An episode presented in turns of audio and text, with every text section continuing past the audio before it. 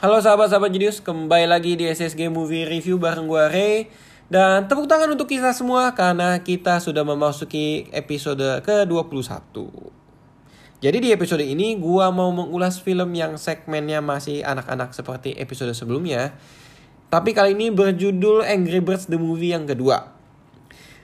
Yang tayang di Indonesia secara serentak di beberapa bioskop pada tanggal 16 Agustus 2019. Gua akan memulai ulasannya setelah yang satu ini seperti biasa jadi teman-teman bisa mempersiapkan diri kalian terlebih dahulu. Oke? Jadi tungguin ya.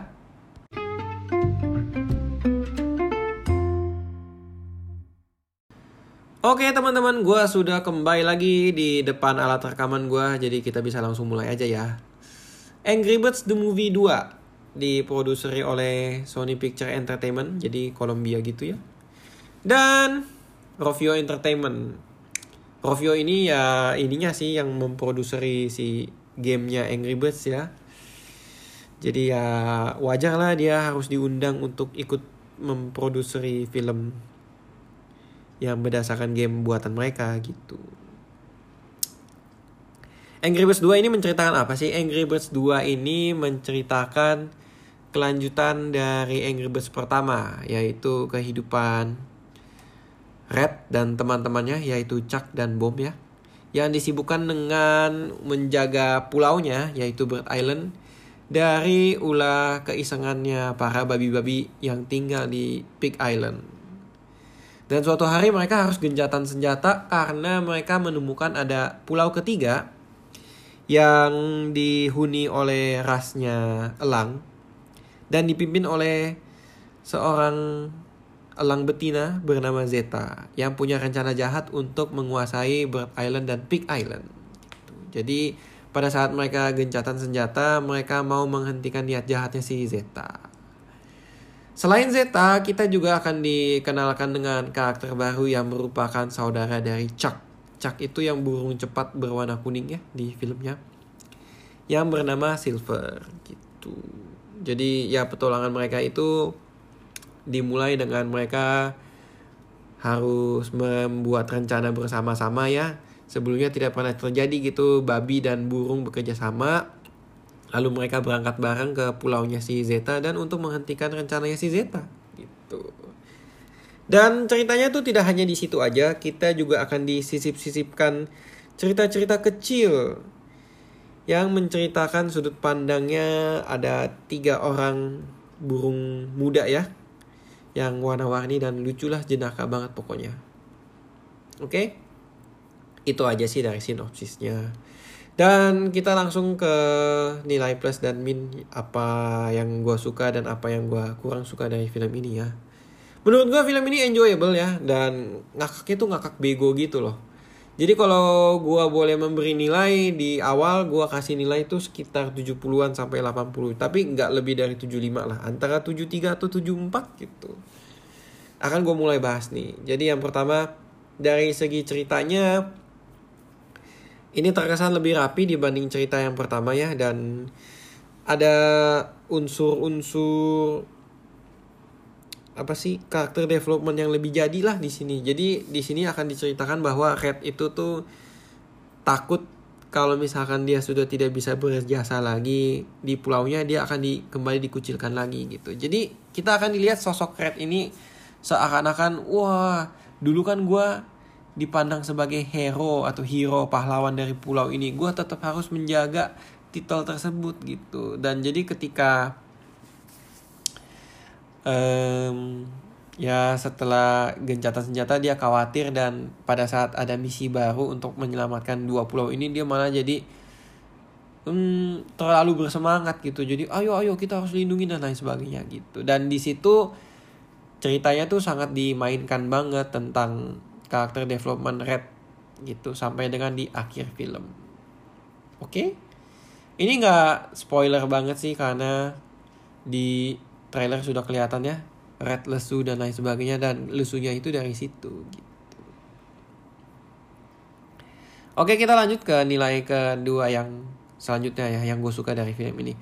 Ketika film ini tuh menampilkan si rasnya burung bekerja sama dengan babi ya, justru mereka berhasil mengeksplorasi kejenakaan dari babinya tuh lebih dalam lagi dibanding film yang pertama.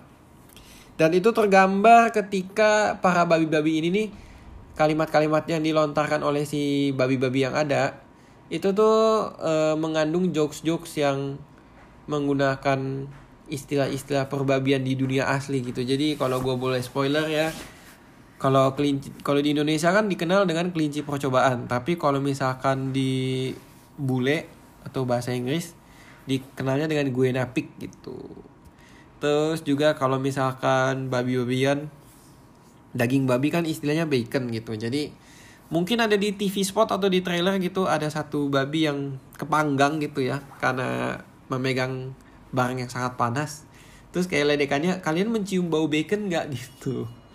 Menurut gue itu cukup lucu karena jadi kayak dia bisa bermain di situ di apa conversational joke-nya tuh dapat gitu ketimbang terlalu banyak ngandelin gimmick ya si apa sih kayak burungnya tuh ke ketabrak lah ketimpa lah lari-larian gini gono segala macem gitu jadi menurut gua di situ jadi nilai plus dari film yang kedua ini gitu dan kemudian yang menarik lagi adalah film ini kental dengan Eh, lagu-lagu pop culture zaman 190-an atau 80-an mungkin ya. Jadi tuh ya ini bisa mengundang tawa bagi penonton yang sudah berumur seperti gua yang tahu lagu-lagu tersebut dan suka gitu. Jadi gue melihat bahwa dia mengerjakan PR-nya si Bird satu kedua ini adalah ketika dia sudah tahu bahwa nama Angry Bird itu di dunia permainan uh, smartphone ya terkenal gitu pada saat didatangkan ke film dan responnya cukup baik, dia kembangin lagi bagaimana caranya ini tetap mengikat perhatian anak-anak dan bisa juga mengundang tawa bagi penonton orang tua gitu. Jadi nggak garing banget nih kalau misalkan teman-teman ada yang sudah punya keponakan, adik, anak gitu ya. Bisa ajak keluarga kalian untuk menikmati ini bersama-sama. Dijamin pasti ada beberapa hal yang bisa mengundang tawa buat kalian gitu. Jadi ya um, joke-nya itu uh, sudah mulai nyerempet-nyerempet ada joke dewasa gitu. Jadi apalagi kan kalau burung ya. Jadi di sini ya kayak ada joke gua spoiler aja ya. Musim kawin dan lain sebagainya gitu. Tiba-tiba punya anak lah, anak hilang, terus apalagi speed dating kayak di zaman sekarang kan ada tuh yang namanya online dating apps gitu ya terus ada juga uh, komunitas untuk mencari jodoh speed dating gitu. Ada deh pokoknya. Jadi ya di situ bisa mengundang tawa gitu. Barangkali anak-anak kecil tuh belum paham banget sama jokes seperti itu. Tapi gara-gara gimmick lucu di dalam filmnya mereka ketawa. Sedangkan kalau kita yang dewasa ngelihat situasi seperti itu tuh mengandai-andaikan gila ya ini mereka tuh berhasil banget loh. Kayak menurut gue mereka berhasil banget. Burung-burung ini tuh dipersonifikasi dengan kehidupan manusia yang ada sekarang itu trennya gitu. Dan menariknya lagi nih dia mengeksplorasi fitur-fitur dari uh, pulaunya mereka bahwa sudah ada perkembangan dibanding film pertama yaitu mereka tuh kayak alat transportasi ya ini loh kayak trampolin sama tempat landing trampolinnya. Menurut gue jadi lucu aja sih dan apa? Ya ada nyerempet nyerempet sains dan lain sebagainya gitu terkait dengan pakai akal lah gitu. Jadi kayak di dalam film ini ketika grup burung dan babi bekerja sama tuh mereka harus putar otak gitu. Sama dengan pemain-pemain Angry Bird ya. Pemain gamenya Angry Bird pemain game Angry Bird di handphone atau di komputer gitu ya. Itu kan kalian mesti mengasah otak gitu menurut gue jadi sungguh menarik bahwa film ini ya film ini tidak hanya sekedar kartun lucu-lucuan tapi kayak menampilkan bahwa mereka tuh sebagai satu kelompok harus berpikir loh untuk menyelesaikan masalah-masalah yang ada gitu. berasa gak sih tiba-tiba gue kayak ngomongnya nggak jelas gitu? Ya udahlah ya. Dan yang terakhir nih nilai plus dari si film ini ya. Moralnya cukup menyentuh sih jadi kayak dari karakter-karakternya apalagi tokoh utamanya dan si Silver ya itu cukup menyita perhatian gue chemistry dari karakter yang ada di dalam film ini gitu untuk yang moral ya kalian bisa saksikan sendiri dan gue nanti akan state di akhir sih Oke. Terus ya apa lagi ya yang lucu ya? Udah ya yang lucu itu sih. Tadi pop culture ada kayak burungnya nari-nari, cara nari zaman dulu gitu. Oke, sekarang kita beralih ke apa yang menurut gue cukup mengganjal dari film ini. Yang pertama, yang gimana ya bilangnya namanya film kartun ya. Dia itu terlalu banyak adegan yang apa ya bilangnya ya. Hmm, aduh sorry ya gue jadi lupa nih kata-katanya. Dia tuh joke-joke-nya ini terlalu standar banget dan terkesan repetitif dibanding film-film kartun yang lain sih. Gitu. Jadi kayak ya udah biasa banget kalau lu belakangan nonton film-film kartun yang selain dari Disney tuh mungkin jokesnya tuh gak lari-lari dari situ gitu. Jadi karakternya yang mana kepleset lah apalah segala macam gitu. Dan kalau gue pribadi sudah cukup bosen sih ketika ada film kartun yang ya udahlah kita jokesnya dari sini gitu. Jadi apa ya bilangnya ya gimmick-gimmick yang terlalu berulang dibandingkan film-film kartun lainnya. Tapi gue nggak bisa protes banget nih soalnya kan gini loh kalau anak kecil ya umur bertambah tapi kan populasi anak kecil kan di umur segitu kan segitu-segitu aja gak sih rasio atau volumenya gitu. Jadi kan konsumsi anak-anak tuh ya bermainnya masih di situ dan menurut gua jadi hal yang wajar karena ini ya targetnya untuk anak-anak sih. Jadi sepertinya gue mem memberitakan apa yang gue gak suka dari film ini padahal gue lupa dan harus sadar bahwa sepertinya umur gue sudah tidak terlalu cocok nih untuk menikmati film seperti ini ya udah mohon maaf ya. Gitu. Dan yang kedua dari apa yang gue kurang suka dari film ini adalah endingnya tuh terlalu cepat eskalasinya.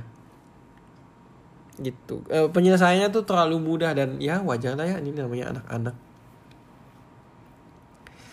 Jadi gue punya tips buat teman-teman untuk menikmati film seperti ini. Jangan terlalu bandingin sama Disney kayak gue. Karena kayak dari tadi argumen gue kan kalau dibandingin sama Disney, dibandingin sama sih, gue harus mengakui bahwa yang gue tidak suka dari film ini karena gue membandingkannya dengan film-film Disney. Tapi ya wajar lah. Film ini masih enjoyable dan gue merekomendasikan untuk ditonton pada saat film apa pada saat weekend sih. Weekend masih nggak apa-apa lah nonton film ini gitu. Tapi tetap gue berpesan kepada para teman-teman yang juga suka hobi nonton persiapkanlah budget kalian dengan matang-matang gitu. Jadi jangan sampai kalian suka nonton tapi malah bocor nggak ada tabungan gitu. Terus ya udah itu aja sih ya yang gue bisa bagikan oke? okay? Dan kita beralih ke fakta menarik dari film ini. Jadi gini teman-teman, kalau dulu film Angry Birds kan tahun 2016 ya. Dan di 2016 ini nih ada pengisi suara, bukan pengisi suara duo, ada duo YouTuber yang cukup ternama di tahunnya. Yaitu Anthony Padilla dan Ian Hickok yang merupakan personel dari Smosh YouTube. Nah, jadi si Ian Hickok dan Anthony Padilla itu mendapatkan peran burung. Kalau nggak salah namanya Bubbles sama Hal. Jadi Ian Hickok itu Bubbles, kalau si Anthony Padilla itu Hal. Dan mereka tuh ya isi suara dan ya ada cameo lah gitu. Nah kalau yang di sekarang nih teman-temannya sangat disayangkan banget karena setelah Anthony Padilla itu keluar dari Smos gitu ya karena mereka pecah kongsi gitu. Tapi ternyata di sini juga nggak datang nih si Ian Hickoknya di film yang ini. Jadi di film ini yang datang itu hanya si Anthony Padilla sebagai hal lagi gitu. Hall, baru susah namanya Nama burungnya tuh HAL gitu, yang burung tuh paruhnya panjang kalau di gamenya itu bisa jadi bumerang gitu. Jadi kalau tembaknya ke depan nanti tiba-tiba muter ke belakang gitu. Bagi yang belum pernah main Angry Birds ya. Oke. okay. dan yang kedua yang bisa gue iniin ya fakta menarik jadi gini teman-teman ada satu burung yang didandanin sebagai ahli pantomim gitu ya. Jadi namanya mime gitu. Ini diisi suaranya oleh Tony Hale. Tony Hale itu adalah orang yang mengisi suara Forky di Toy Story 4 gitu. Jadi ini semacam film kedua dia di tahun ini. Film kartun kedua di tahun ini gitu. Jadi kalau kalian lupa-lupa ingat mime itu yang uh, tagline-nya adalah oh my god gitu. Jadi ya semua keadaan yang mengerikan yang bisa membuat gempar seisi pulau burung dia tuh pasti kayak ngeluarin kalimat itu dan ya gue cukup tertawa dan terhibur lah. Oke, okay. di episode ini gue nggak akan terlalu lama-lama banget ya karena gue sudah state beberapa hal gitu gue ulangi sekali lagi ya terkait dengan yang negatif itu subjektifnya gue aja sih gitu. gue nggak terlalu suka ketika film kartun tuh ya tokonya tuh dicederai kepukul kayak wajahnya ompong gigi lah matanya babak belur gitu-gitu dan lain sebagainya. Ya terkesan terlalu berulang lah. Oke. Okay? kita akan lari ke bukan lari sih beralih ke moral sekarang sebelum gue tutup reviewnya. Di moral ya seperti yang gue sebut di awal menariknya dari film ini adalah terkait dengan kerjasama dan sebagai seorang individu tuh tidak boleh egois. Hanya mementingkan diri sendiri dan ya janganlah terbayang-bayang rasa takut untuk kesepian gitu. Bahwa justru dengan bisa mementingkan kepentingan orang lain seharusnya kalian tidak akan kesepian dalam hidup kalian. Asik gitu. Dan kerjasama itu penting ya apalagi menggunakan otak gitu seperti bermain Angry Bird gitu kan harus asal otak lah kan harus jadi yang pintar dan banyak melakukan pendekatan-pendekatan yang diperhitungkan. Seperti dalam film ini gitu. Jadi kayak si sosok Silver itu adalah burung yang super jenius. Setiap tindakannya tuh diperhitungkan dulu gitu. Menariknya di situ sih. Dan apakah film ini masih banyak terdapat menghancurkan benda-benda menggunakan burung-burung yang ada? Ya ada ya. Jadi ya tidak lari jauh-jauh dari esensinya si Angry Bird gitu. Seekor burung atau beberapa ekor burung ditarik ke tapel dilepas untuk menghancurkan objek-objek yang menjadi tujuan dari permainan gitu. Ini sepertinya sudah terlalu malam ya. Ngomong gue sudah mulai melantur jadi kita sudahi saja ya episode ini. Sorry banget gue nggak bisa panjang lebar karena ya memang gue nggak bisa panjang lebar sih. Di ulasannya. Ya memang maksudnya segini segini aja gitu. Oke. Okay. karena tadi gue nonton di XX1 ya gue melihat sesuatu yang menarik gitu jadi mereka lagi kampanye apa sih hashtag pada tempatnya. Gue mau mengajak sekali lagi teman-teman kalau misalkan mengin apa mengan apa sih bilangnya? Meninggalkan diri kalian dari bioskop kesayangan kalian ya apa pun itu mereknya jangan lupa untuk buang sampah pada tempatnya asik gitu. ya itu kan kayak aduh kalian bawa bawa masuk ke dalam bioskop kotak makan apa popcorn kalian bungkus popcorn ya masa nggak bisa bawa keluar juga gitu itu it's a small matters gitu ya udah ini udah sekitar 18 menit sama opening tadi satu menitan berarti sudah mau 20 menit gue sudahi saja ya podcastnya yang sekarang. Oke? Okay? Gue Ray mau pamit undur diri dulu. Sampai jumpa di episode berikutnya. Semoga kalian tetap terus ngikutin SSG Movie Review di Spotify. Jangan lupa untuk di follow. Pastikan tombol follownya sudah berubah jadi following ya. Semoga hari kalian menyenangkan setelah mendengarkan podcast ini dan kalau kalian mau tidur, kalian dikaruniai dengan mimpi indah. Oke deh. Bye bye ya semua. Ya, see you next episode.